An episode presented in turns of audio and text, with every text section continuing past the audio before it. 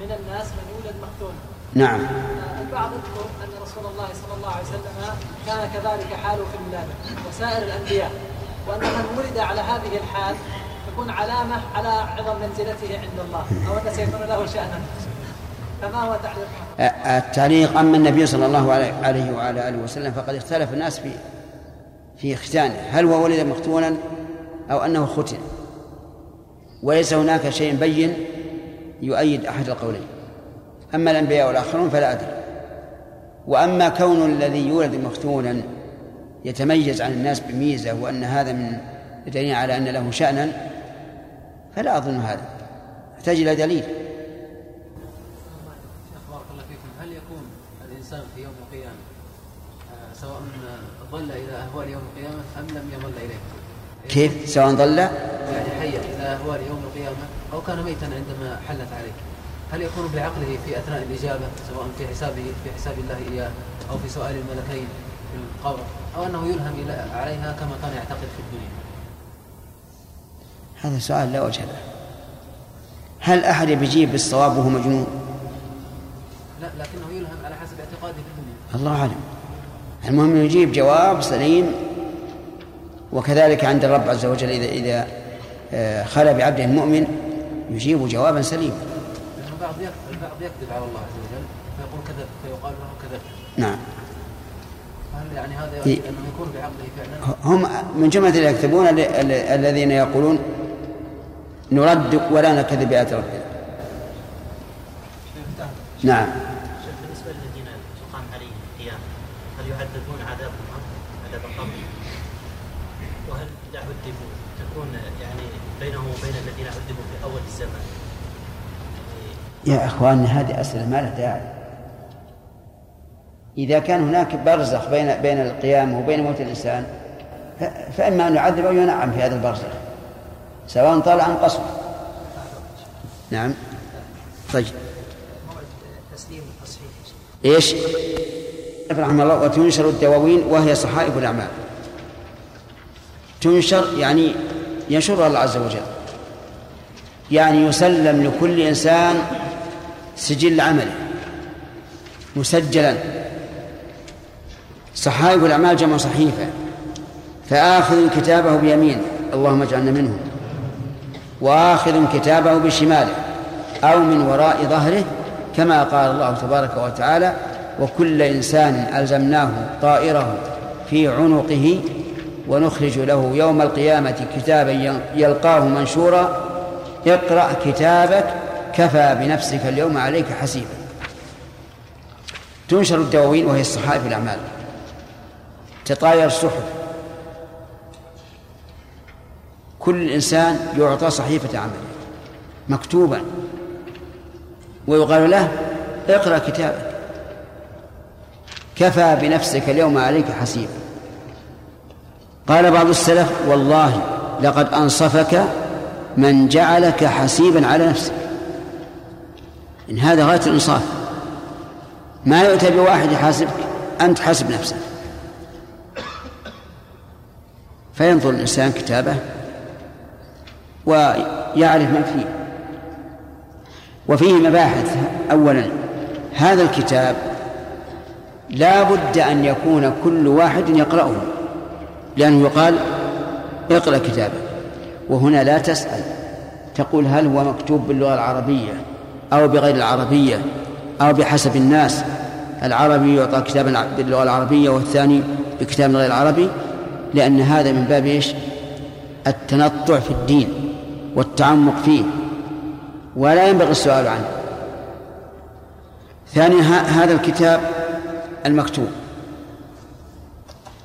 يكون بيد الإنسان بيمينه أو بالشمال. هل هذا باختيار الإنسان؟ يعني إن شاء أخذه باليمين وإن شاء أخذه بالشمال؟ لا ما يمكن. الذي كتابه بيمينه يكون بيمينه والذي كتابه بالشمال يكون بالشمال. ولا خيار للإنسان في ذلك لأن الخيار له سبق في الدنيا. لما كان باختياره أن يكون من أصحاب اليمين أو من أصحاب الشمال. أما الآن فلا. المبحث الثالث الذي يأخذ الكتاب باليمين يفرح به ويستبشر ويقول للناس هاؤم اقرأوا كتابي. كالذي يعطى نتيجة الاختبار. بعض الطلبة إذا أعطي نتيجة الاختبار وهو ناجح مثل آخذ 99% ماذا يصنع؟ يفرح ويري الناس ويرفع يده. وإذا كان أخذ عشرة في المئة. نعم. يدسها ويمزقها ما يبيها. يقول يا ليتني ما أخذته. في, في الآخرة الذي يأخذ كتابه بيمينه يفرح. ويقول الناس هاؤم اقرأوا كتابه. خذوا اقرأوا الكتاب. فرحا بذلك وتحدثا بنعمة الله سبحانه وتعالى. ويقول ليبين السبب إني ظننت أني ملاق حسابي ظننت بمعنى أيقنت. الظن هنا بمعنى اليقين كقوله تعالى الذين يظنون أنهم ملاقوا ربهم قال المؤلف وآخذ كتابه بشماله أو من وراء ظهره. أتى المؤلف بأو لأن القرآن الكريم عبر مرة بالشمال ومرة من وراء الظهر. ففي سورة الحاقة وأما من أوتي كتابه بشماله. وفي سورة الانشقاق وأما من أوتي كتابه وراء ظهره.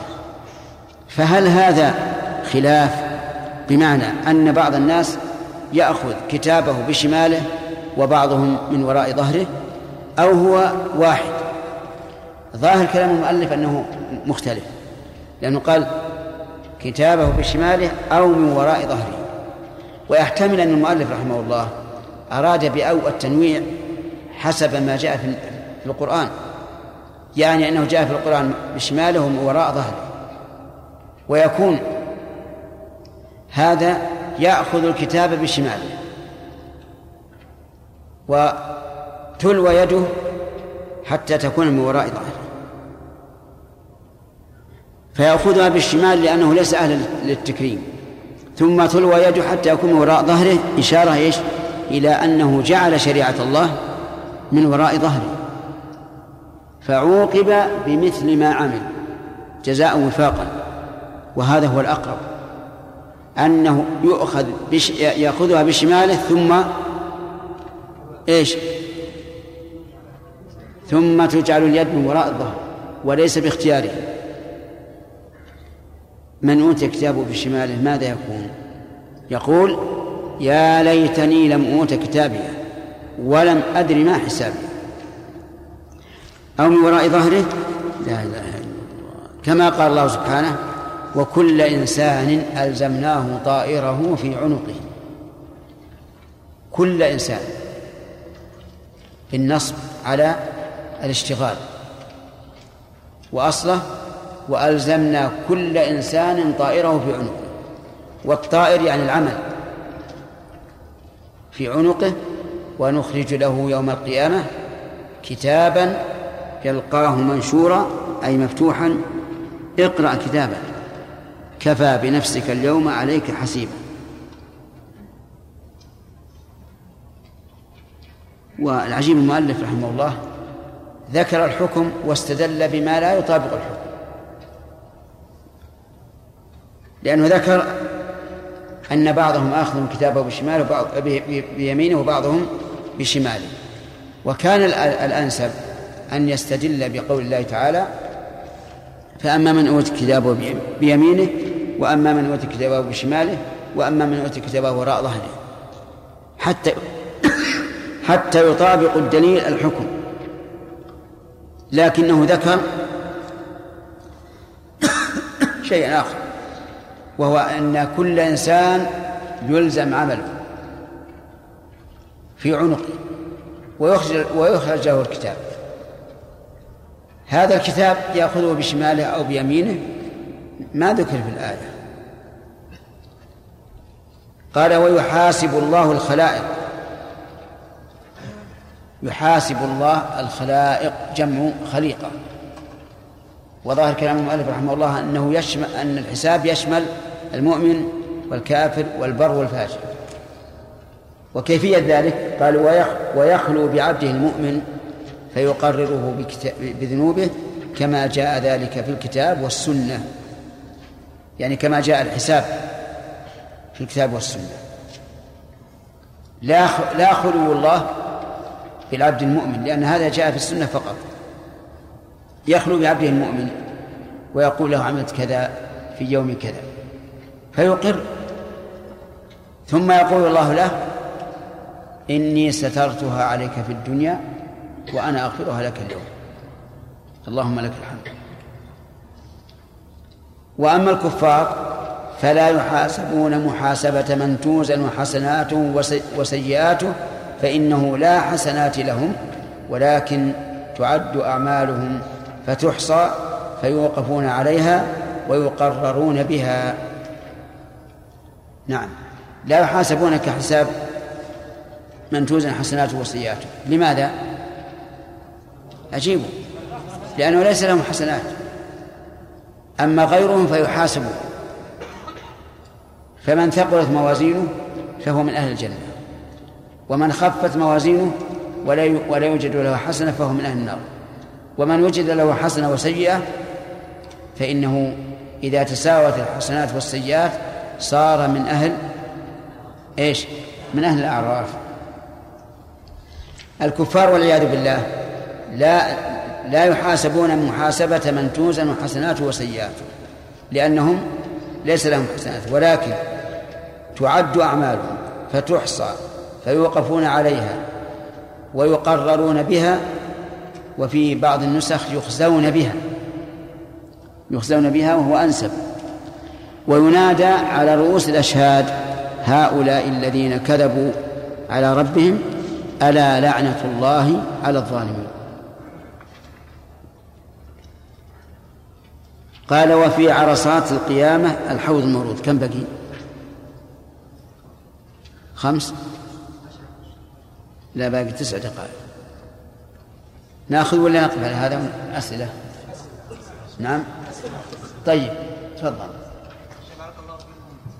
هل رؤية الميت في المنام على حالة حسنة أو سيئة تدل على تعذيبه أو تنعيمه في قبره؟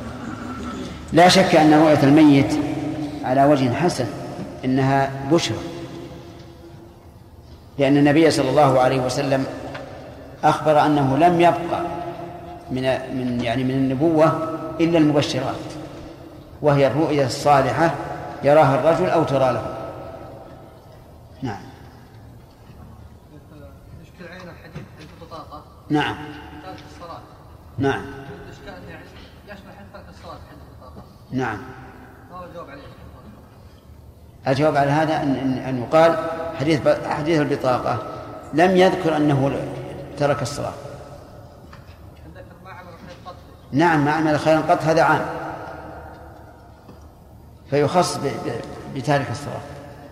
أما لو جاء ما عمل خيرا قط ولا صلى كان فيه إشكال.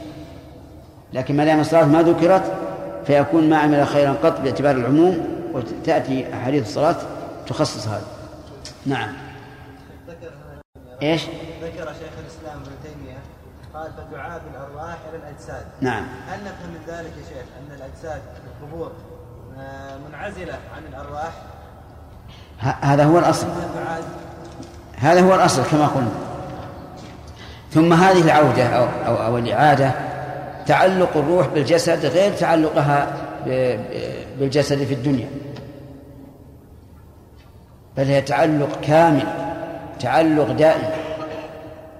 يعني شيخ ممكن نقول أن العذاب والنعيم في القبر لا يقع لا يكون داخل القبر قد يكون خارج القبر لأن الروح إيه هو الأصل الأصل هو على الأرواح.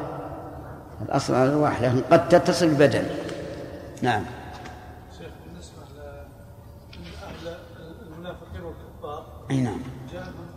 ما يرون الله سبحانه وتعالى في يوم القيامة المنافقين على القول لا المنافقون لا شك أنهم يرون الله لكنه ما هي رؤية إكرام وتعزيز؟ طيب يا شيخ عذاب أهل النار أشد أشد عذاب حرمانهم من رؤية وجه الله سبحانه وتعالى كما جاء في الحديث. نعم. فكيف يعني يتحسرون على شيء لم يروه تكون الحسرة بعد الرؤية. نعم. لا هم يعلمون هذا. يعلمون هذا. عاد بإلهام يوم القيامة أو يعلمونه في الدنيا. أن الله يرى. نعم؟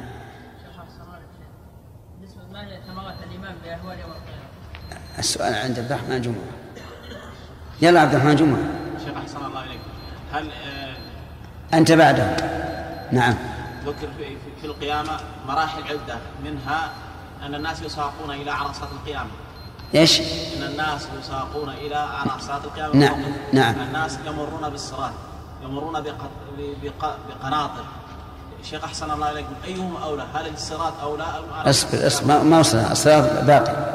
ما وصلنا. من اللي سألته؟ ها؟ يلا يا عاد. ما هي الشيخ ثمرات الإيمان بأهوال يوم القيامة؟ نعم ثمرات الإيمان بأهوال يوم القيامة أي نعم. ثمراتها أن الإنسان يحث نفسه على فعل الخير. لأنه ينجو في ذلك الوقت. ويحث نفسه ويردعها عن فعل الشر. نعم. شيخ أحسن الله عليكم. آه، هناك يعني آه، مقال تنسب إلى الامام أحمد بن حنبل. أنه يعني من قال لفظي بالقرآن مخلوق فهو جهمي هل هذا نسبة هذا القول إلى الامام أحمد؟ صحيحة؟ وإذا كانت صحيحة؟ لو رأينا إنسان يعتقد أن من قال من لفظ بالقران آه، مخلوق ان نقول أنه جهمي أو لا؟ نعم. السؤال لا يتعلق بدرس اليوم. بالنسبة لدرس آه، أمس يا شيخ. أردت أن أسألكم فقلت يعني اليوم إن شاء الله اسالكم عن هذا وعدتك؟ من يشهد لك؟ من يشهد اني إني وعدتك؟ نعم. ما عندك أحد؟ ما عندك هنا كيف؟ وين؟ أتسمحون له؟ نجيب نجيبه؟ طيب. نعم. تشهد له؟ الحمد لله. أنجاك الله. طيب. الإمام أحمد رحمه الله تعرف أنه في وقت فوران الجهمية. والقول بخلق القرآن. وتعرف أن الخلفاء في زمنه يجبرون الناس على هذا. فكانت الجهمية يتحيلون. فيقولون لفظي بالقرآن مخلوق. هم يريدون الملفوظ به. هم يريدون الملفوظ به. لأن المصدر يأتي يأتي بمعنى اسم المفعول. كقول النبي صلى الله عليه وعلى آله وسلم من عمل عملا ليس عليه أمرنا فهو رد أي مردود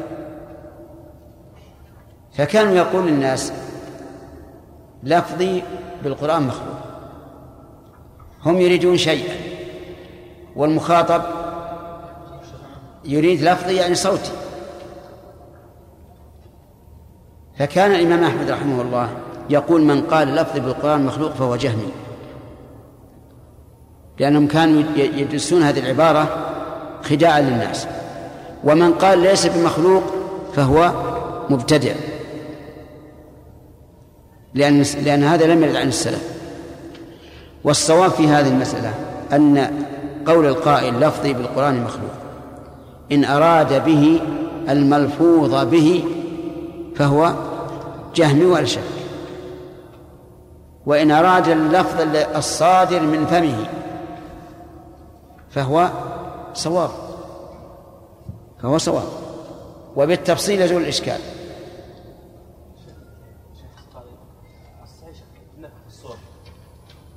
نعم. مرتين. الصواب أن النفخ في الصور مرتين. مرة يكون الفزع ثم الصعق ومرة البعث. نعم. ارفع يدك نعم الكفار والمنافقون هل توزن اعمالهم؟ الكفار سيأتينا إن شاء الله تعالى أن أن أو سبق الكافر لا توزن أعماله. لماذا؟ لأن ما في عمل يوازن بينهم. ولكن تحصى أعمالهم ويقرون بها ويحصون بها. نعم.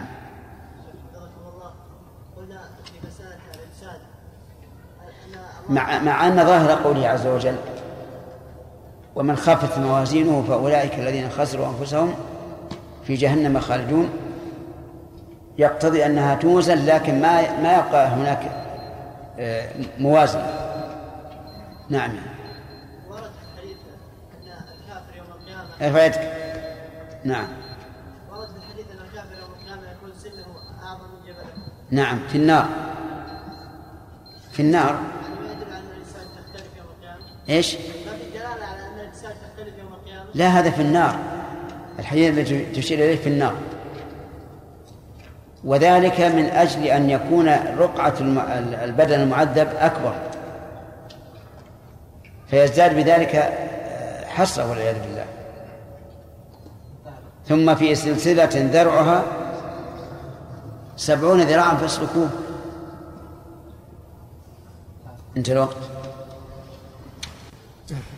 بسم الله الرحمن الرحيم. الحمد لله رب العالمين وصلى الله وسلم على عبده ورسوله نبينا محمد وعلى آله وأصحابه أجمعين.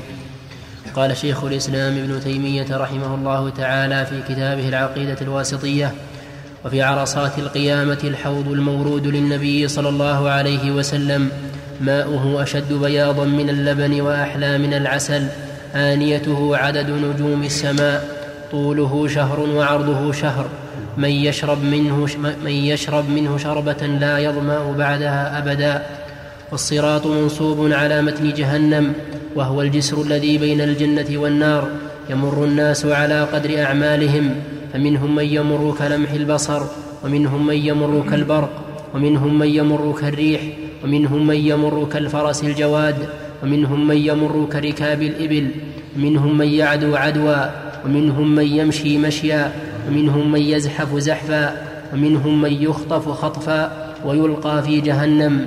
فإن الجسر عليه كلاليب تخطف الناس بأعمالهم فمن مر على الصراط دخل الجنة. فإذا فإذا عبروا عليه وقفوا على قنطرة بين الجنة والنار فيقتص لبعضهم من بعض. فإذا هذبوا ونقوا أذن لهم في دخول الجنة. بسم الله الرحمن الرحيم. الحمد لله رب العالمين وصلى الله وسلم على نبينا محمد وعلى آله وأصحابه ومن تبعهم بإحسان إلى يوم الدين. سبق لنا عدة أشياء عدة أشياء تكون في يوم القيامة. آخر ما انتهينا إليه الحساب. وهو إطلاع الإنسان على عمله. وذكرنا أن له صفتين الأولى مع المؤمن والثانية مع الكافر. ثم انتقل المؤلف رحمه الله إلى حوض النبي صلى الله عليه وعلى آله وسلم جعلنا الله وإياكم من الشاربين منه.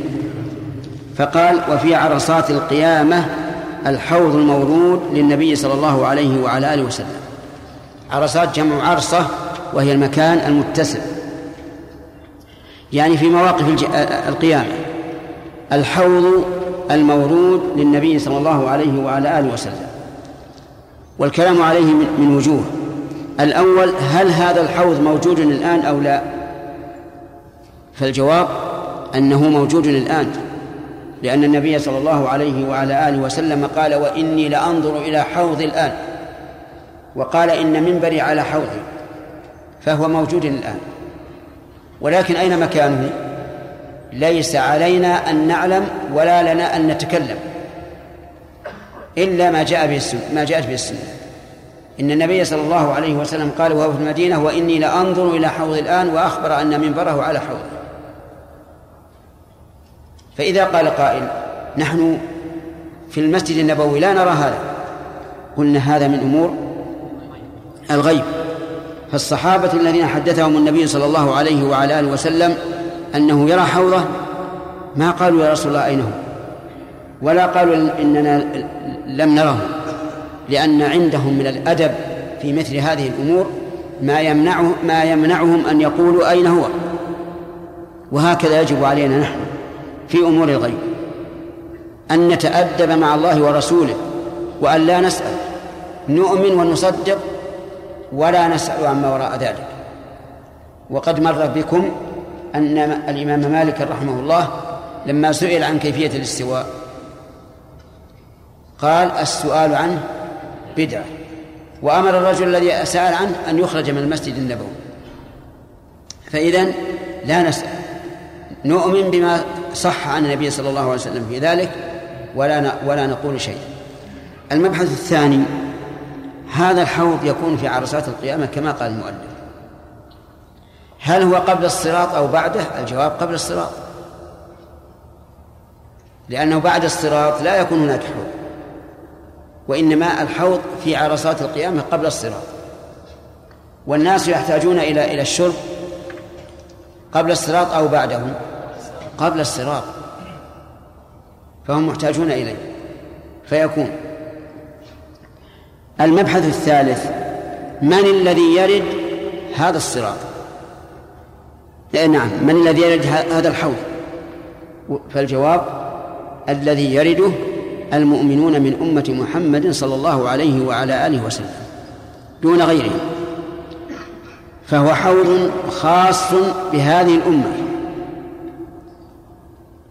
ويذاد عنه الكافرون. قال السفارين في عقيدته رحمه الله عنه يذاد المفتري كما ورد. عنه يعني عن الحوض يذاد المفتري كما ورد عن النبي صلى الله عليه وعلى آله وسلم. البحث الثالث. الرابع؟ نعم. البحث الرابع. من أين يستمد هذا الحوض؟ يستمد من الكوثر الذي أعطاه النبي أعطاه الله تبارك وتعالى نبيه صلى الله عليه وعلى آله وسلم. كما ثبت ذلك في قوله تعالى إنا أعطيناك الكوثر وهو نهر أعطاه الله نبيه لم يعطيه أحدا غيره. على هذا على هذا الحوض ميزابان يأتيان من الكوثر. وهذا يعني أنه لن ينضب ولن ييبس. البحث الخامس ما نوع هذا الماء الذي في هذا الحوض؟ يقول المؤلف رحمه الله ماؤه أشد بياضا من اللبن. واللبن يضرب به المثل في البياض. أشد بياضا من اللبن. طعمه أحلى من العسل. فاللون تعشقه العين والذوق يطعمه الفم. كذلك أيضا ورد في الحديث أن ريحه أطيب من ريح المسك. فاجتمع فيه بهاء اللون والطعم والريح. طيب ما طوله وما عرضه؟ طوله شهر وعرضه شهر. وهذا يقتضي أن يكون مدورا لأنه لا يمكن أن يكون طوله شهر وعرضه شهر من جميع الجوانب إلا إذا كان عجيب مدورا. لأنه لو كان مربعا لكانت الزوايا تزيد على على على قدر المربع. فيكون مدورا ولا شك أن المدور أحسن من من المربع. يقول المؤلف آنيته عدد نجوم السماء. ومن يحصي نجوم السماء؟ لا يحصيها إلا الله عز وجل. لأنه سيرد على هذا الحوض كل مؤمن بالنبي صلى الله عليه وعلى آله وسلم.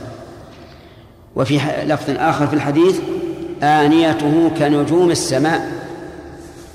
وهذا اللفظ أعم وأشمل لأن قوله كنجوم السماء يا أخوانا يشمل العدد والحسن.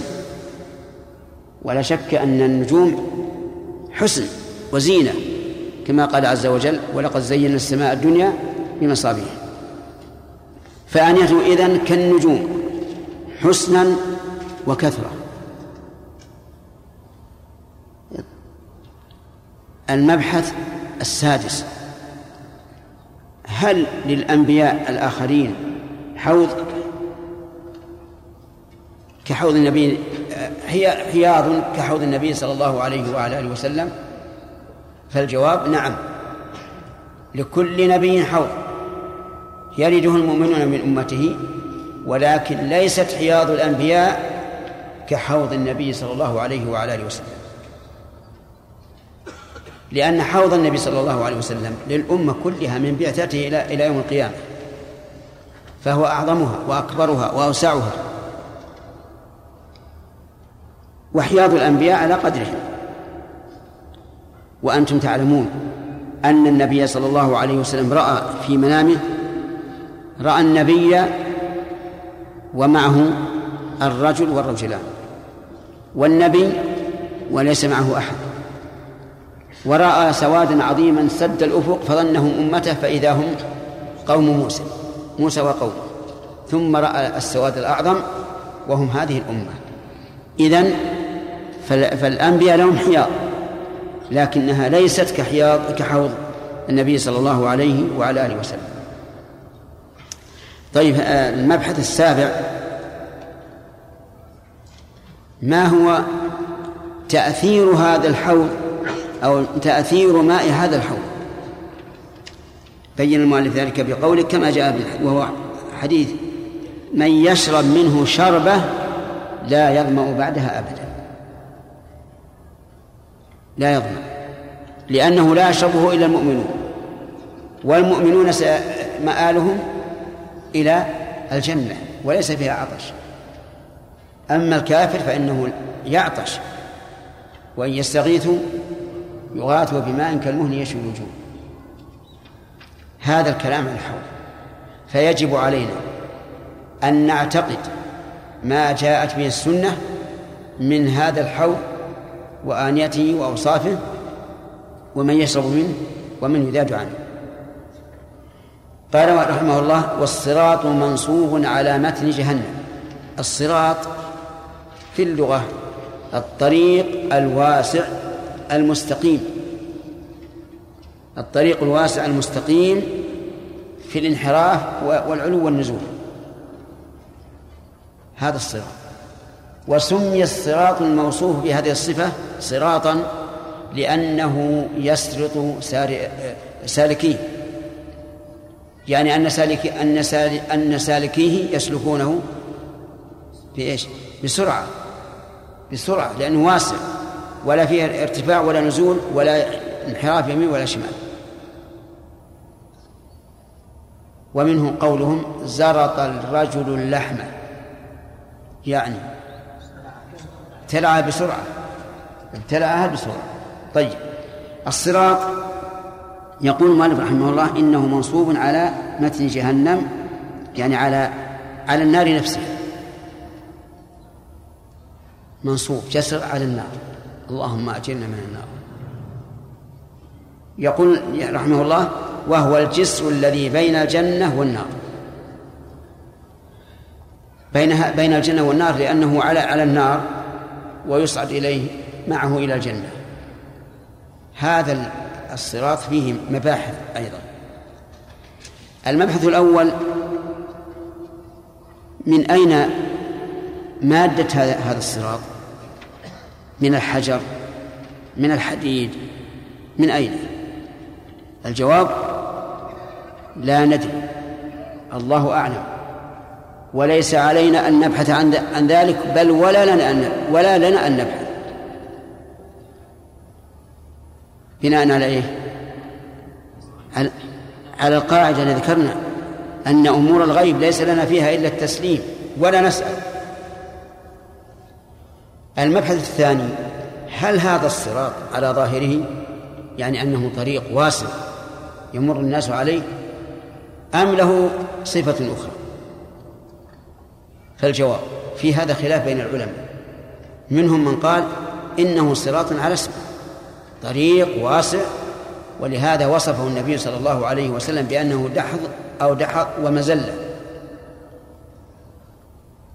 والدحض معناه كما نقول إن الأسواق إذا أتاها المطر وربص الطين صار زلق. وهذا يقصد إيش؟ أن يكون طريقا واسعا. وهو من الناحية العقلية لكن كما قلت لكم لا مدخل العقل في أمور الآخرة. من الناحية العقلية أقرب إلى الإمكان من كون أمم عظيمة تسير على على هذا الصراط. لا بد أن يكون واسعا يسع الناس كلهم. وهذا القول كما ترون وجهته قوية. ما دام رسول الله صلى الله عليه وعلى آله وسلم وصفه بأنه دحض مزلة فيكون له وجهة نظر قوية. القول الثاني أن هذا الصراط أدق من الشعر وأحد من السيف وأحر من الجمر. وهذا فيه حديث أخرجه مسلم بلاغا فأخذ به أصحاب هذا القول. وقالوا إن الله على كل شيء قدير قادر على أن تسير العالم كلها على هذا الخط على هذا الصراط. ولا شك أنه لا ينازع أحد في قدرة الله ولا ينازع أحد في أن أمور الآخرة لا تقاس بأمور الدنيا. موقفنا من هذا أن نقول إن صح الخبر الذي يصف بهذا الوصف فنحن به مؤمنون وإن لم يصح فمقتضى اللفظ أن يكون هذا الصراط واسعا. والله أعلم بما بالحال. ثانيا أو ثالثا. الثالث يا أخوان. نعم. ثالثا. كيف يمر الناس على هذا الصراط؟ فالجواب يجب أن نعلم أن هنا صراطين. الصراط الأول دين الله والصراط الثاني هذا الطريق الذي على جهنم. قال الله تعالى اهدنا الصراط المستقيم صراط الذين أنعمت عليهم. الصراط الذي هو دين الله. هل يختلف الناس في المسارعة إليه والعمل به أو لا؟ يختلفون اختلافا عظيما. السير على الصراط الآخر صراط الآخرة الذي هو على متن جهنم السير عليه كالسير على الصراط الذي هو دين الله في الدنيا. فمن كان إلى الخيرات أسبق فهو على الصراط أسبق. والناس يمرون عليه على قدر أعمالهم. ما في محاباة ولا في تقديم أحد لا يستحق التقديم. حتى الرسل في ذلك المكان دعاءهم اللهم سلم اللهم سلم. لأن النار تحته. والخوف شديد. فيمر الناس على قدر أعمالهم كما قال كما قال النبي صلى الله عليه وعلى آله وسلم وكما وكما وصفه المؤلف رحمه الله فمنهم من يمر كلمح البصر. ولمح البصر سريع جدا أسرع من الصوت. ومنهم من يمر كالبرق. والبرق سريع ولا غير سريع؟ سريع. ومنهم من يمر كالريح. الريح إذا صارت عاصفة سريعة. أحيانا تكون إلى مئات الكيلوات في سرعتها. ومنهم من يمر كالفرس الجواد. الفرس الجواد يعني الذي ربي على العدو والسرعة. ومنهم من يمر كركاب الإبل. ركاب الإبل الإبل التي تسير بسرعة ليست كالمحملة ولكنها ليست كالخيل. ومنهم من يمر نعم ومنهم من يعدو عدوا يعني يسرع. ويصير بشدة. ومنهم من يمشي مشيا.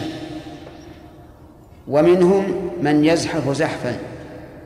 ومنهم من يخطف خطفا ويلقى في جهنم. أعوذ بالله من ذلك. وهل هذا المشي باختيار الإنسان؟ الجواب لا. وإلا لكان كل واحد يسر لكن ما يستطيع. ولا يمكن أن أن يسير على ما على ما يريد. وإذا كنا نشاهد في الدنيا أن الناس إذا ركضوا منهم من يعجز بسرعة ومنهم من يتمادى. ومنهم من لا يستطيع أن أن يعدل فالآخرة أعظم. قال الله تعالى انظر كيف فضلنا بعضهم على بعض وللآخرة أكبر درجات وأكبر تفضيلا. إذا إذا هذا صفة مرور الناس عليه وهذه وهذه الصفة مبنية على صفة سابقة وهي إيش؟ المرور على على صراط الله الذي هو دينه فمن تمسك به وسارع إليه فليبشر بالخير وأنه سيكون سريعا على الصراط المنصوب على جهنم ومن تأخر فله التأخر قال فإن. فإن فإن الجسر عليه كلاليب تخطف الناس بأعمالهم. كلاليب. وليست ككليب الدنيا. كلاليب لا يعلم كنها إلا الله عز وجل ومن شاهدها في ذلك الوقت. تخطف الناس تأخذ الرجل وتلقيه في النار أعوذ بالله. وإذا خطفته وألقته في النار هل يكون مخلدا فيها؟ الجواب لا. لأنه لا يمكن أن يعبر هذا الصراط أحد من الكفار. إذ أن الكفار قد سوقوا إلى جهنم وردا والعياذ بالله في عرصات القيامة يذهب بهم إلى النار. وردا عطاشا نسأل الله تبارك وتعالى العافية منها. هذا الذي يلقى في النار هو من العصاة. هو من العصاة. يعذب على حسب على حسب ذنوبه. وهنا أسئلة. هل النار التي يلقى فيها هؤلاء هي نار الكافرين أو هي نار أخرى؟ يرى بعض أهل العلم أنها نار أخرى معدة للعصاة وليس فيها العذاب الذي في نار في نار الكافرين. لكن هذا يحتاج إلى دليل. فإن ورد هذا عن معصوم فعلى العين والرأس. وإن كان مجرد فكر فهو مردود. لماذا؟ لأن هذه من أمور الغيب لا يمكن أن يؤخذ إلا بالدليل الشرعي السمع فإذا قال قائل إذا قلت بأن النار واحدة نار العصاة ونار الكافرين فكيف يكون هذا؟ لأن معصية العاصي أهون من كفر الكافر نقول سبحان الله أليس الله على كل شيء قدير؟ الجواب بلى.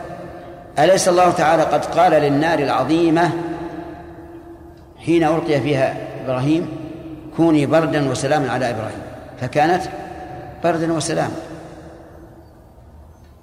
فمن المعقول أو فمن الجائز عقلا أن يكون الجانب الذي يلقى فيه العصاة من, من النار بردا وسلاما عليهم أو على الأقل أن يكون فيه حرارة لكنها دون فيه يعني فيه حرارة وعذاب لكن دون ما للكافرين من ذلك.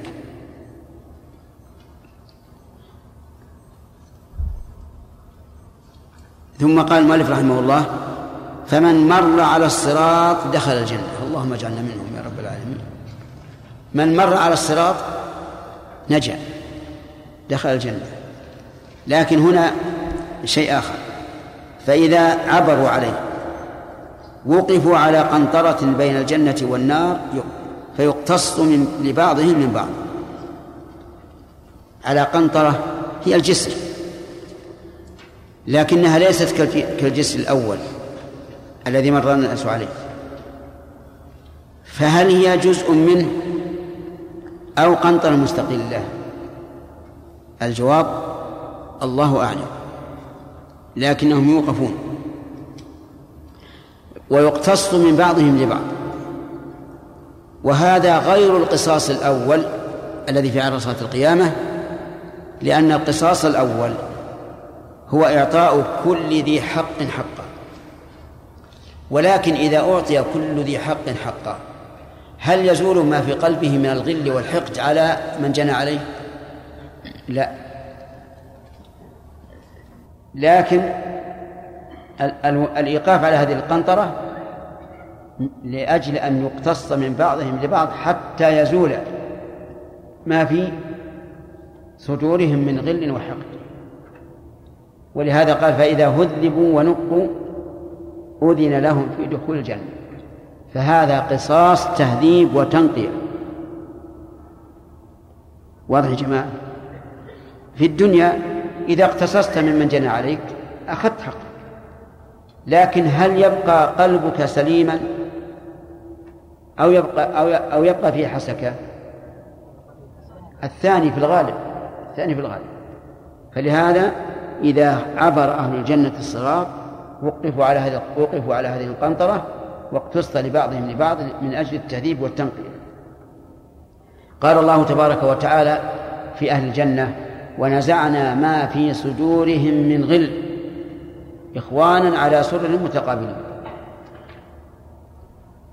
قال وأول من يستفتح باب الجنة محمد صلى الله عليه وعلى آله وسلم و... نعم صلى الله عليه وسلم. وأول من يدخل الجنة من الأمم أمته. الحمد لله. هذه الأمة ولله الحمد ونسأل الله يجعلنا منهم. هذه الأمة هي الآخر آخر الأمم ولكنها السابقة يوم القيامة. ثبت هذا عن النبي صلى الله عليه وعلى آله وسلم في قوله نحن الآخرون السابقون يوم القيامة. أول من يستفتح باب الجنة محمد صلى الله عليه وسلم. بعد الشفاعة فإن الناس يأتون إلى الجنة ويجدون الباب مغلقا. فيشفع النبي صلى الله عليه وعلى آله وسلم إلى الله أن يفتح باب الجنة فيفتح. وهذه الشفاعة كما سيأتينا خاصة بالنبي صلى الله عليه وعلى آله وسلم. أول من يدخلها من الأمم أمة النبي صلى الله عليه وسلم. لها السبق والتقدم. بقي أن يقال. وماذا عن الأنبياء؟ أيكونون بعد هذه الأمة وكل نبي مع أمته أم يدخلون قبل الأمم؟ الظاهر لي والله أعلم أنهم يدخلون قبل الأمم. لأن هذا مقتضى الدرجات التي ذكرها الله تعالى في سورة النساء. فأولئك مع الذين أنعم الله عليهم من النبيين والصديقين والشهداء والصالحين. وأول نعم. وله صلى الله عليه وسلم في القيامة ثلاث شفاعات. بدأ المؤلف رحمه الله بالشفاعة. والشفاعة هي التوسط للغير بجلب منفعة أو دفع مضرة هذه هي الشفاعة. التوسط للغير بإيش؟ بجلب منفعة أو دفع مضرة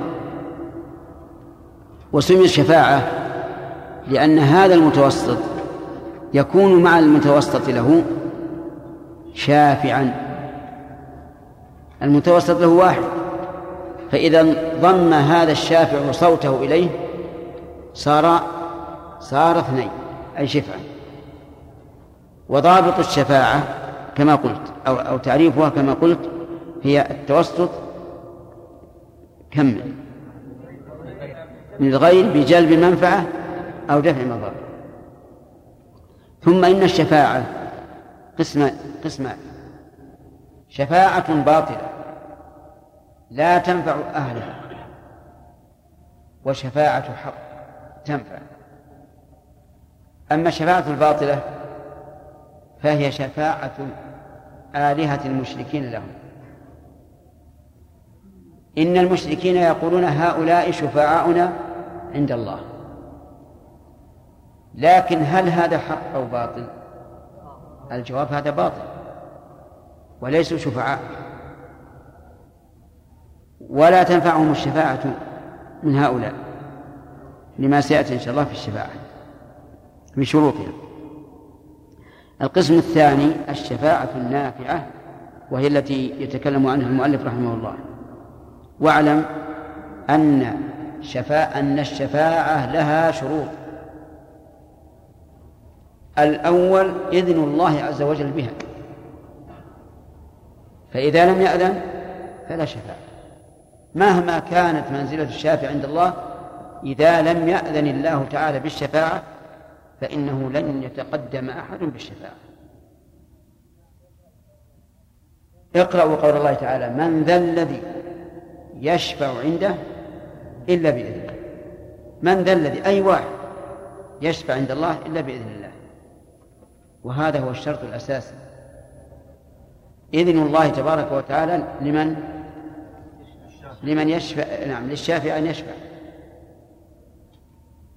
والدليل من ذا الذي يشفع عنده إلا بإذنه الشرط الثاني رضا الله سبحانه وتعالى عن الشافع رضا الله عن الشافع وهذا ثابت سمعا وعقلا. أما شرعا فقد قال الله تعالى يومئذ لا تنفع الشفاعة. إيش؟ إلا من أذن له الرحمن. يعني إلا شفاعة من أذن له الرحمن ورضي له قوله.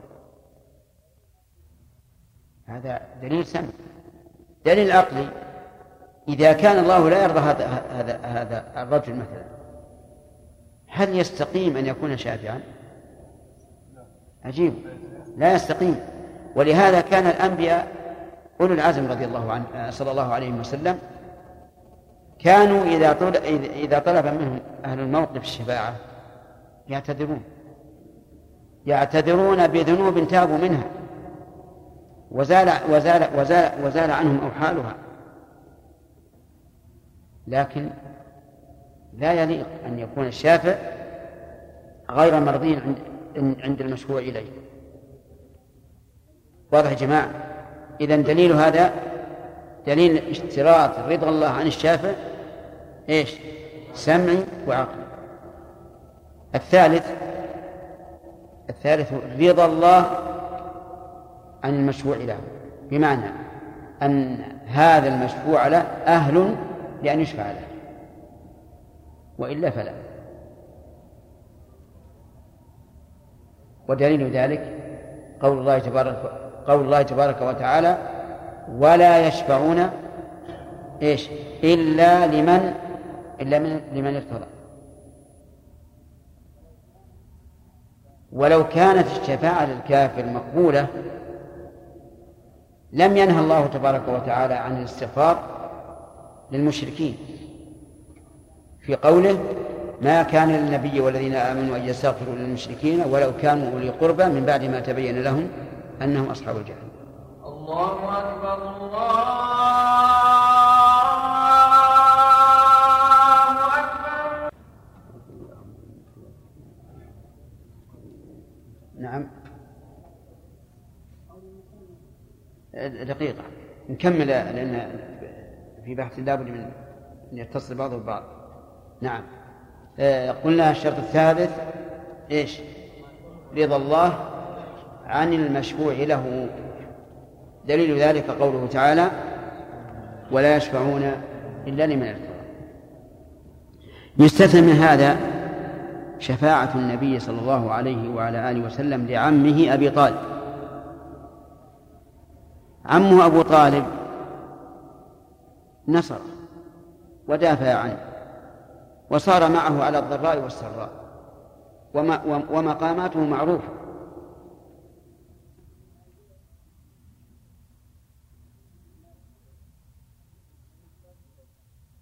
لما حضرته الوفاة كان عنده رسول الله صلى الله عليه وعلى آله وسلم وعنده رجلان من قريش. جليس صالح وجليسان سوء. قال له النبي صلى الله عليه وعلى آله وسلم يا, رس يا عم قل لا إله إلا الله كلمة أحاج لك بها عند الله أو أحاج لك بها عند الله. فإذا هم أن يقولها قال له جلس السوء أترغب عن ملة عبد المطلب؟ كلما قاله الرسول قال أترغب عن ملة عبد المطلب ومن خلق للشقاء فللشقاء يكون. نسأل الله العافية. آخر ما قال أنه على ملة أنه على ملة عبد المطلب وأبى أن يقول لا إله إلا الله. في هذا المقام الحرج الضنك حيل بينه وبين الهدى. نسأل الله العافية. مات على الكفر. فقال النبي صلى الله عليه وسلم من شفقته عليه لأستغفرن لك ما لم أنه عنك. شوف الاحتراز من الرسول عليه الصلاة والسلام. لم يطلق. لأنه وقع في نفسه أنه سينهى عنه لأنه كافر. قال لأستغفرن لك ما لم أنهى عنك. فكان متوقعا لأن ينهى عنه. فأنزل الله تعالى ما كان للنبي والذين آمنوا أن يستغفروا للمشركين ولو كانوا أولي قربى من بعد ما تبين لهم أنهم أصحاب الجحيم. فكأن موردا أورد. نحن أمرنا باتباع ملة إبراهيم كما قال عز وجل ثم أوحينا إليك أن اتبع ملة إبراهيم حنيفا. وإبراهيم استغفر لأبيه. رد الله عز وجل على هذا الإيراد الذي قد يرد على القلب. في نفس السياق قال وما كان استغفار إبراهيم لأبيه إلا عن موعدة وعدها إياه. لأن إبراهيم عليه الصلاة والسلام قال لأبيه سأستغفر نعم. سأستغفر لك ربي إنه كان بي حفيا. قال الله تعالى فلما تبين له أنه عدو لله وش اللي حصل؟ تبرأ منه. إن إبراهيم لأواه حليم. فأمسك النبي صلى الله عليه وسلم عن الاستغفار له. استأذن من الله عز وجل أن يشفع لعمه أبي طالب لكن لا في رفع العقاب عنه ولكن في تخفيف العقاب عنه. مع أنه كافر. لكن الله عز وجل حكم عدل لم يضيع العمل الذي انتفع به الرسول عليه الصلاة والسلام وانتفعت به الرسالة لم لم يضيعه بدون جزاء. انتبه هذا القول الآن له صلة في كلامنا في الصباح. ولا لا؟ نعم. أقول لم يضيع الله عز وجل هذا العمل المشكور. أذن الله لنبيه أن يشفع. شفع له. لكنه كان في ضحضاح من نار يبلغ كعبيه. وعليه نعلان يغلي منهما دماغه أجارنا الله وإياكم من النار. اللهم أجرنا من النار. اللهم أجرنا من النار. اللهم أجرنا من النار. هذه الشفاعة خاصة للنبي لأبي طالب. إذا الخصوصية من وجهين أنها يا جماعة من النبي وأنها لأبي طالب. ما في غير هذا. يعني لا يوجد شفاعة لكافر إلا هذا. ثم هذه الشفاعة ليست شفاعة تنقذه من النار بل تخفف عنه العذاب. وإنه ليرى أنه أشد الناس عذابا. يعني لا يرى أن أحدا أهون منه. يرى أنه أشد الناس عذابا. لا يرى أن أحدا أشد منه. لأنه لو رأى أن أحدا أشد منه نعم تسلى به وهان عليه الأمر. وقد أشار الله إلى هذا التسلي بقوله ولن ينفعكم اليوم إذ ظلمتم أنكم في العذاب مشتركون لأن العادة إن الناس إذا نزل بهم سوء تأسى بعضهم ببعض. لكن هذا لا ينفع لا, لا ينفع الظالمين إذا اشتركوا في العذاب أن يتسلى بعضهم ببعض. وكانت الخنسة ترثي أخاها صخر تقول ولولا كثرة الباكين حولي على إخوانهم لقتلت نفسي. وما يبكون مثل أخي ولكن أسلي النفس عنه بالتأسف. طيب آه الشروط اضبطوها في الشفاعة. بعد أن نقسمها قسمين نقول القسم الثاني الثابت له شروط ثلاث شروط. وذكاء وسمعتم والحمد لله إلى أدلتها. نعود الآن إلى كلام المؤلف رحمه الله يقول وله أي للنبي صلى الله عليه وعلى آله وسلم في القيامة ثلاث شفاعات. أما نعم.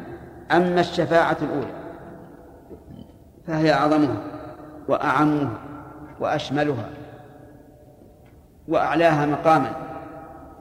قال فيشفع في أهل الموقف حتى يقضى بينهم.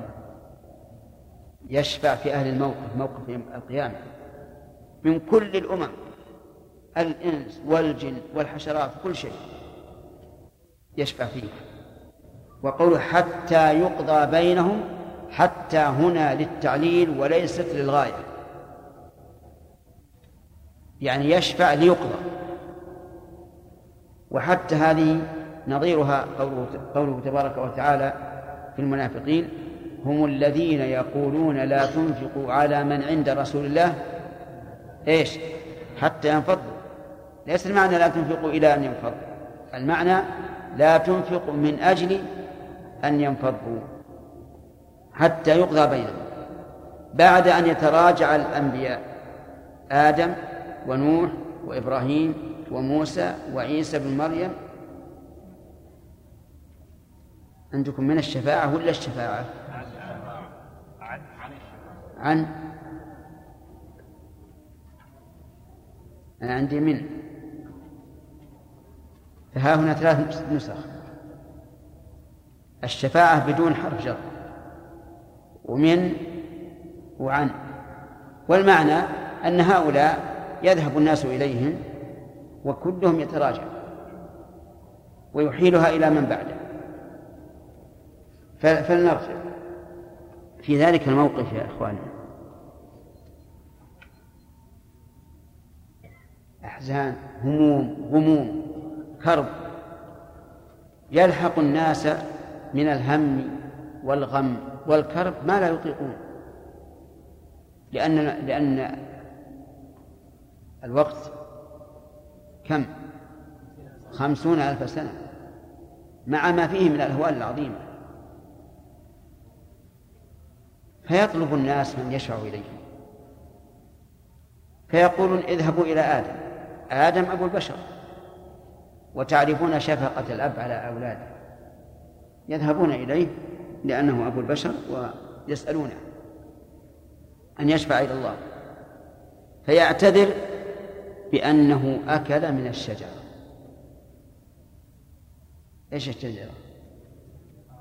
شجرة في الجنة نهاه الله تبارك وتعالى أن يأكل هو وزوجه منها فأكل منها.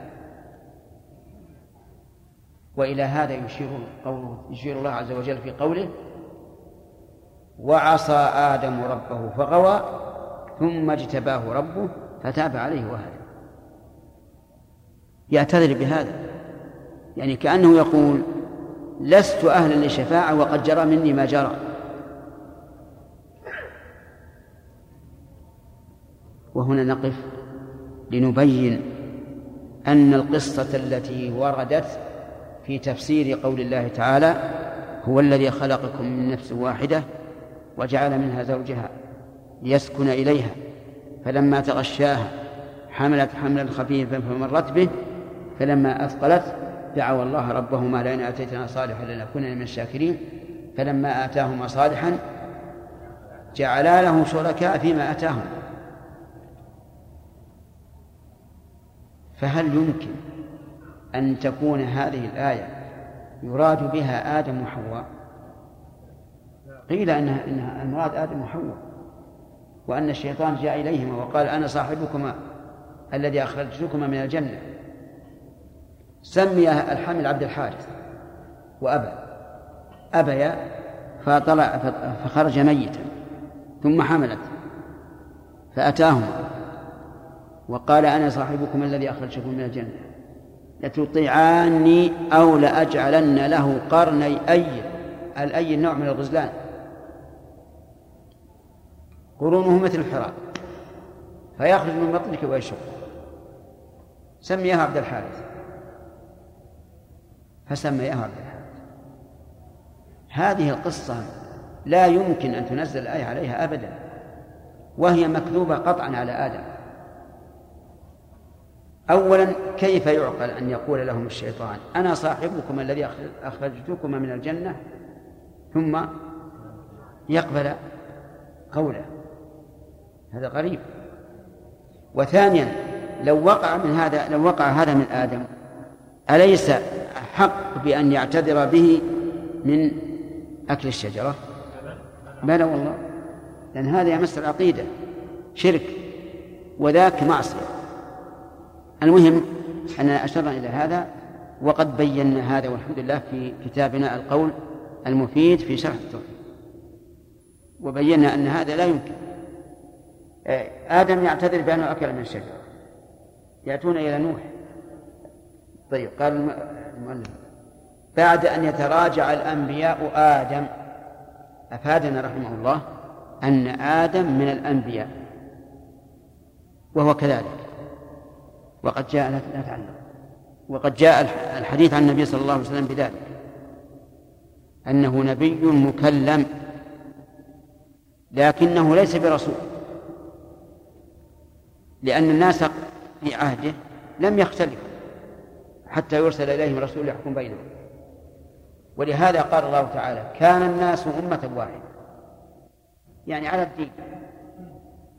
فبعث الله النبيين مبشرين ومنذرين وأنزل معهم الكتاب بالحق ليحكم بين الناس فيما اختلفوا فيه. وهذا واضح أنه لم يرسل الرسل إلا بعد اختلاف الناس. أما قبل فالناس قليل وليس هناك ما يصدهم عن الدين وكانوا يقتدون بأبيهم بما أوحى الله إليه من الشريعة. فهو نبي وليس برسول. ويدل لهذا أن الله تعالى قال إنا أوحينا إليك كما أوحينا إلى نوح والنبيين من بعد. وهذا وحي الرسالة. كما أوحينا إلى نوح والنبيين من بعد. وقال عز وجل ولقد أرسلنا نوحا وإبراهيم وجعلنا في ذريتهما النبوة وبهذا نعرف أن من قال إن إدريس كان قبل نوح فقوله باطل. لأنه لو كان إدريس قبل نوح لكان أول الرسل إدريس. والظاهر والله أعلم أن إدريس من جملة أنبياء بني إسرائيل لأن الله دائما يذكره معهم. طيب آدم يعتذر بأي شيء؟ بأكل من الشجر نوح. يعتذر. يعتذر بأنه سأل ما ليس له به علم. سأل ما ليس له به علم. حين قال رب إن ابني من أهلي وإن وعدك الحق وأنت أحكم الحاكمين. قال الله يريد من الله عز وجل أن لا يغرق ابنه. قال الله تعالى إنه ليس من أهلك. إنه عمل غير صالح. فلا تسألني ما ليس لك به علم. إني أعظك أن تكون من الجاهلين. اسمعوا يا أخوان. الله عز وجل ينهى نوح وهو أحد الرسل الذين من من من العزم يقول لا تسألني ما ليس لك به علم. يعني فأنا فالله يقول عن نفسه إنه يعلم أن ابنك مستحق للإغراق. فلا تسألني ما ليس لك به علم لأن هذا الأمر إلى الله عز وجل. فما بالنا نحن نسأل؟ ما, ما ليس لنا به علم في أمور أعظم من هذا. كالذين يسألون عن كيفية الصفات وحقائقها أو عن اليوم الآخر أو أو ما أشبه ذلك. يعتذر. يأتون إلى إلى إبراهيم عليه السلام بعد أن يحيلهم نوح إليه. يعتذر أيضا. بأنه كذب ثلاث كذبات. والمراد بذلك التأويل وهو صادق فيما أراد. قال لقومه إني سقيم. وهو ليس بسقيم. لكنه تأول. وقال بل فعله كبيرهم هذا. وهو يعلم ما فعله. لكنه إيش؟ متأول. والثالثة ما هي؟ فيها روايات. هل هي قوله لزوجته إنها أخته أو الثانية نسيت نعم. إيش؟ أو قوله هذا رب لما رأى الكوكب والقمر والشمس. فعلى كل حال هو اعتذر بهذا لكن هذه الكذبات هل تخدشه أو تخدش صدقه؟ لا لأنه متأول. وهي فيما في حسب ما في قلبه حق وصدق. لكنه أمام عدو أو أمام من يريد أن يقنعهم تأول. فانظر إلى هذا الإحساس العظيم.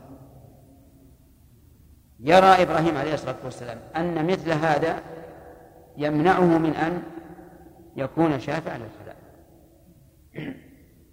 يأتون إلى موسى يحيلهم إلى إلى موسى. يأتون إليه. بماذا يعتذر؟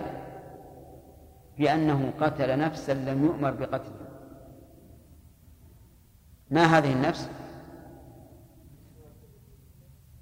في مصر مر على رجلين يقتتلان. هذا من شيعته يعني من بني إسرائيل. والآخر من عدوه. فاستغاثه الذي من شيعته على الذي من عدوه. يعني طلب أن يغيثه وينقذه من هذه الشدة.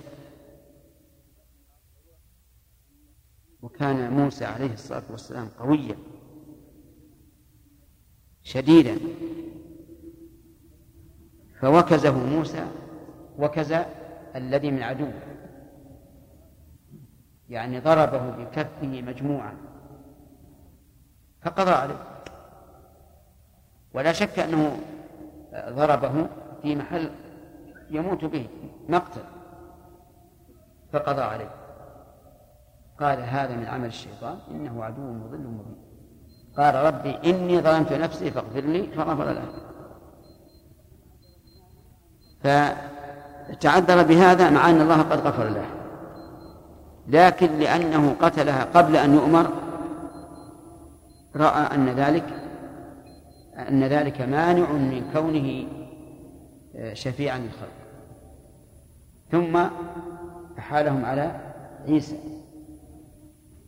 وليس بينه وبين النبي صلى الله عليه وعلى آله وسلم نبي ولم يقل شيء ما اعتذر بشيء.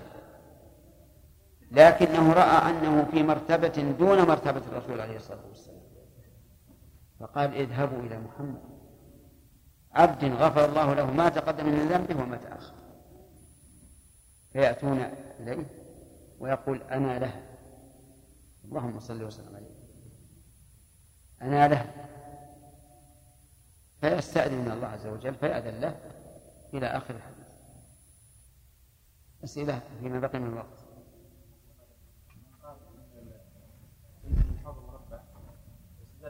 إيش؟ من قال ها؟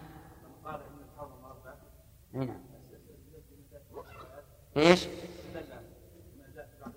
نعم نعم نعم هذا هذا دليل عليه ما تكون الز- الزوايا سواء إلا بالاستدارة نعم ما حكم ما يحصل من الناس من الكذب أحيانا في المجلس فبعضهم يكذب من أجل ان يضحك بالقول وبعضهم يكذب آه، بشيء معلوم كذب قطع مثل قول إبراهيم هذا رب الكون وبعضهم يكذب كذبا صحيحا يعني فعلا هو كذب لكنه ينوي ان يكذب هذا الكذب اللهم اهده اللهم اهد اخانا كوارث إبراهيم كاذب يعلم انه كاذب لا أنا اعني قصه إبراهيم لكن ما يحصل أنت تقول كقول إبراهيم هذا رب.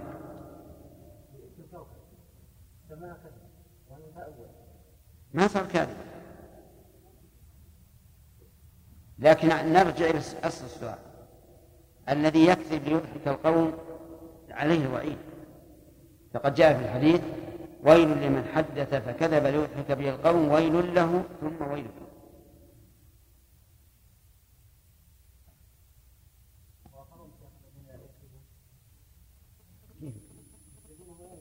معروف أن الكذب حرام. والرسول صلى الله عليه وسلم حذر منه وقال إن الكذب يهدي إلى الفجور والفجور يهدي إلى النار. نعم.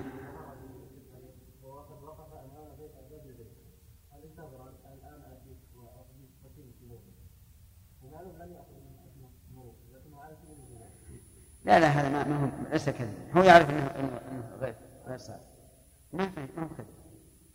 نعم. إيش؟ نعم.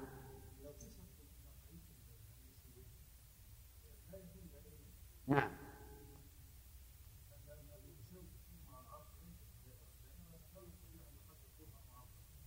إذا قلنا طوله شهر من جميع الجوانب وعرضه شهر لا بد يكون مربع. لأن المربع الآن إذا قلنا طوله شهر في صفحات المربع. يكون الزاويتين متقابلتين؟ أكثر من شهر. نعم.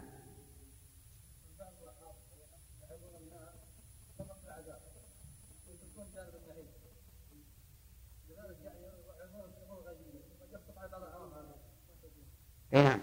آه، توجيهنا أن الإنسان الواعي يوصى بألا يقنط الناس الله ولا يؤمنهم من مثل الله كما أن القرآن الكريم هكذا. إذا جاء ذكر الجنة جاء ذكر النار أو بالعكس. فلا ينبغي. ولكن إذا كان يخاطب أقواما منهمكين في المعاصي. فهل الأولى أن يذكر آه، الترهيب أو الترغيب؟ نعم. في في تفصيل يا جماعة. لأنه لو ذكر نصوص الرجاء لاستمر هؤلاء في معاصيهم وقال الله غفور رحيم. وإن ذكر نصوص ال- ال- التخويف فقط يئس من رحمة الله. فالأولى أن يحذرهم أولا ثم يقول وقد فتح الله لكم باب الخروج من, من هذا اللي أنتم عليه. ثم يذكر فضائل التوبة والرجوع إلى الله. فلا ينبغي الإنسان أن يقنط الناس من رحمة الله ولا أن يؤمنهم من رحمة الله. نعم. هي يعلمون. يعلمون. نعم. ارفع يدك. نعم. المعلوم ان ما يشتمل عليه الايمان باليوم الآخر البعث والحساب والجزاء على الاعمال ثم نقول ويلحق بهذا الايمان بالحياة البرزخيه. آه، الا يمكن ان نقول مثلا ما يشتمل عليه الايمان باليوم الآخر اربعه امور الايمان بالحياة البرزخيه عن نظر بالتفتيش ثم على الاعمال لا سيما وأن اليوم الآخر يبدأ خروج روح الإنسان. نعم. وعلى كل حال أظن ذكرنا في الشرح. يعني الأشياء اللي- المواقف وال... بهذا المعنى. الأمر الثالث أو الأمر الأول الثاني الثالث. مما يكون يوم القيامة. مرتب. نعم. أرفع يدك. لا أنا أنا أريد اللي عند العمود بعيد؟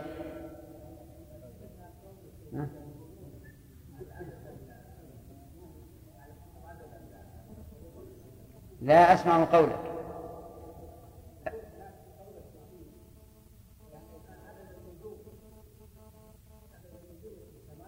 أي نعم. اي وش تقول عبد الرحمن؟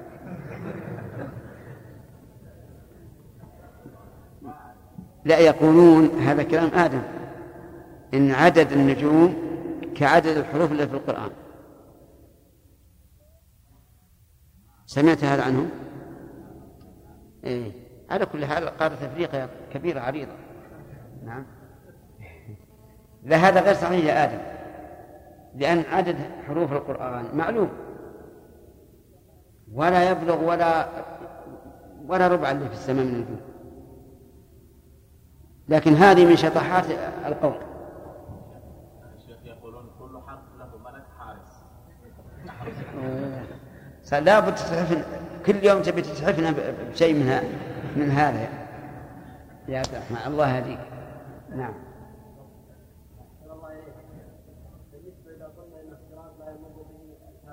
نعم.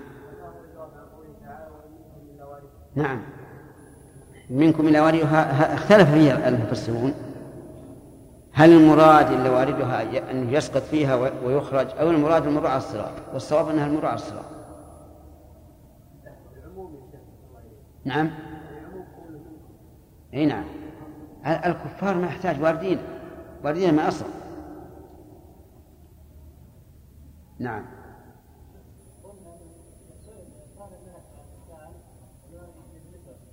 ها؟ كيف؟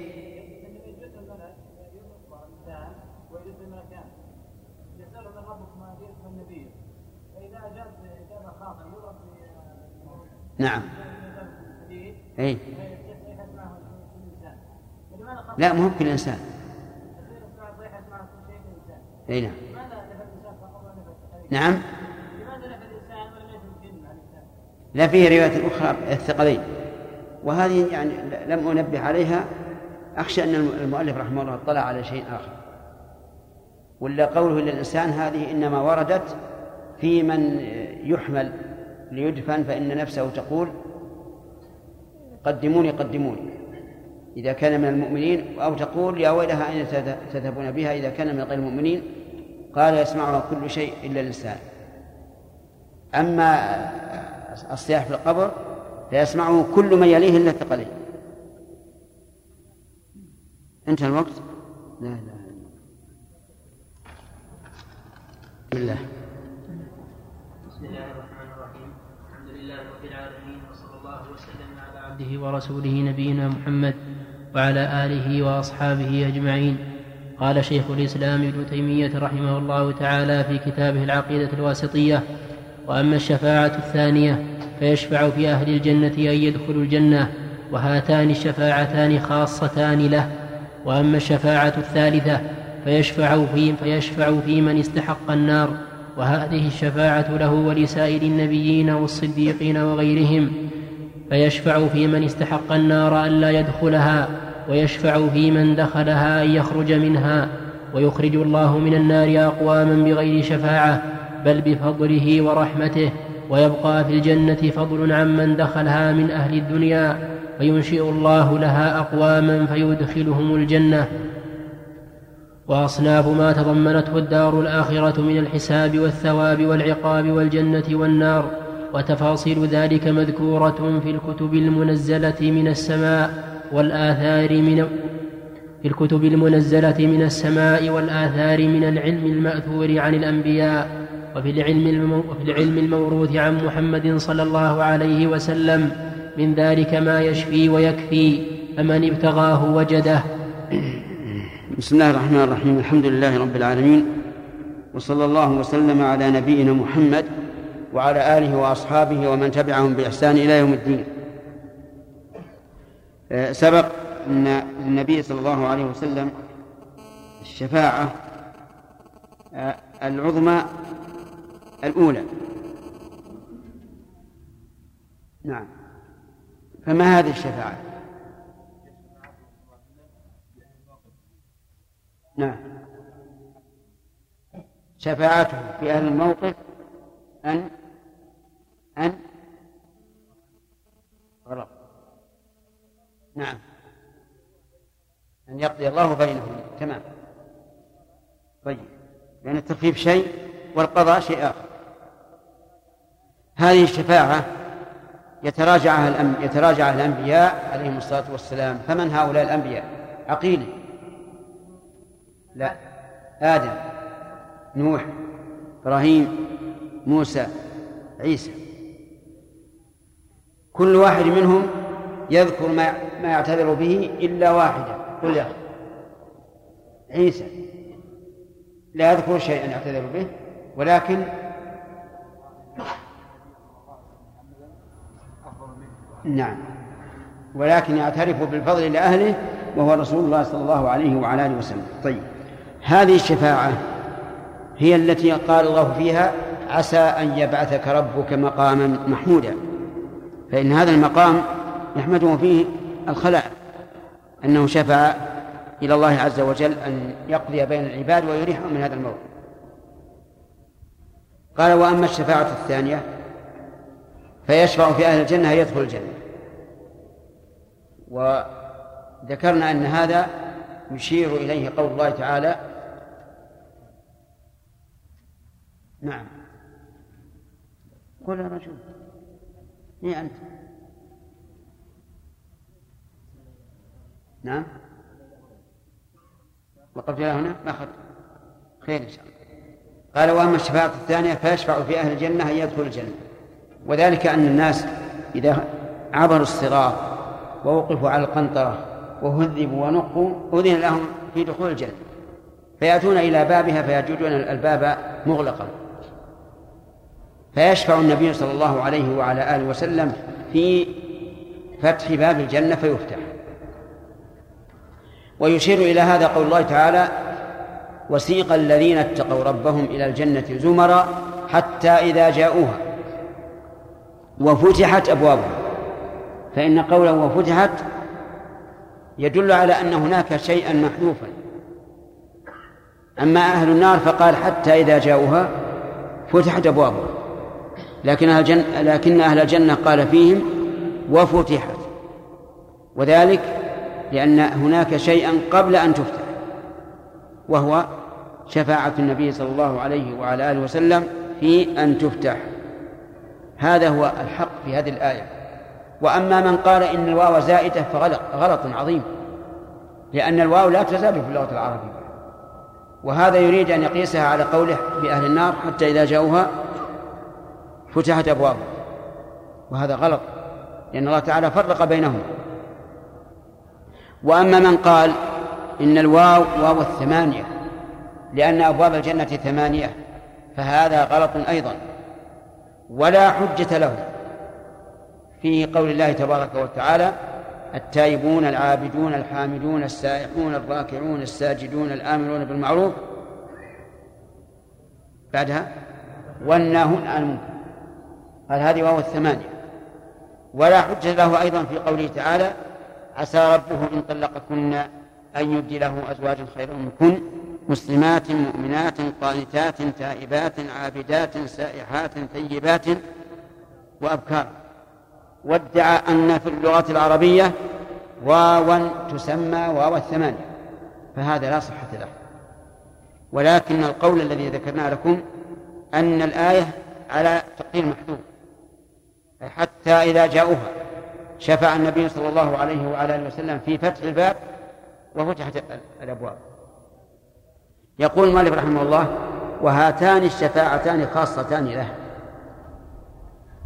وهناك شفاعة ثالثة خاصة له وهي شفاعته في عمه أبي طالب. فإن عمه أبا طالب مات على الكفر. لأنه حين حضرته الوفاة كان عنده النبي صلى الله عليه وعلى آله وسلم ورجلان من قريش. فكان النبي صلى الله عليه وعلى آله وسلم يلقنه يلقنه الشهادة. يقول يا عم قل لا إله إلا الله كلمة أحاج لك بها عند الله أو أحاج لك بها عند الله. ولكن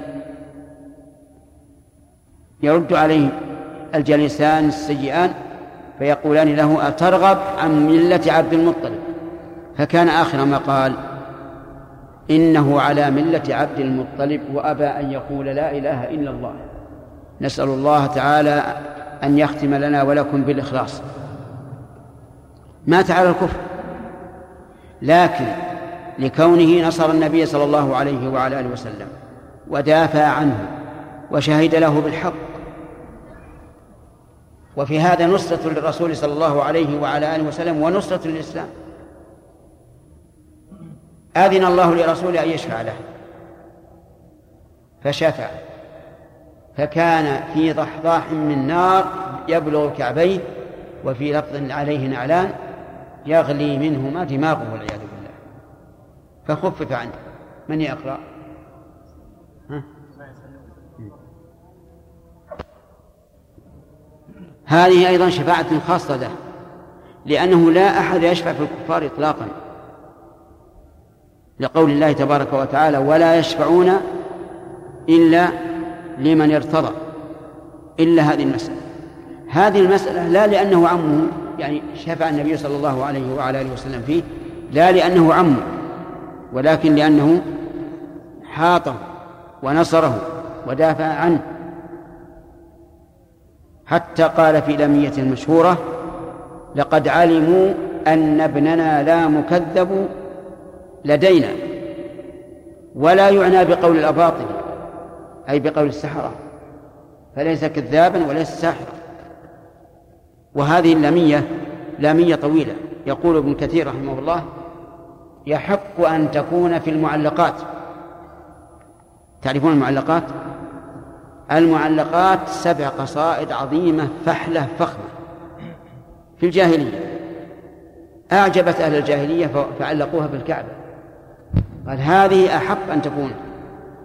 وصدق رحمه الله لأنها كل مدح للرسول عليه الصلاة والسلام.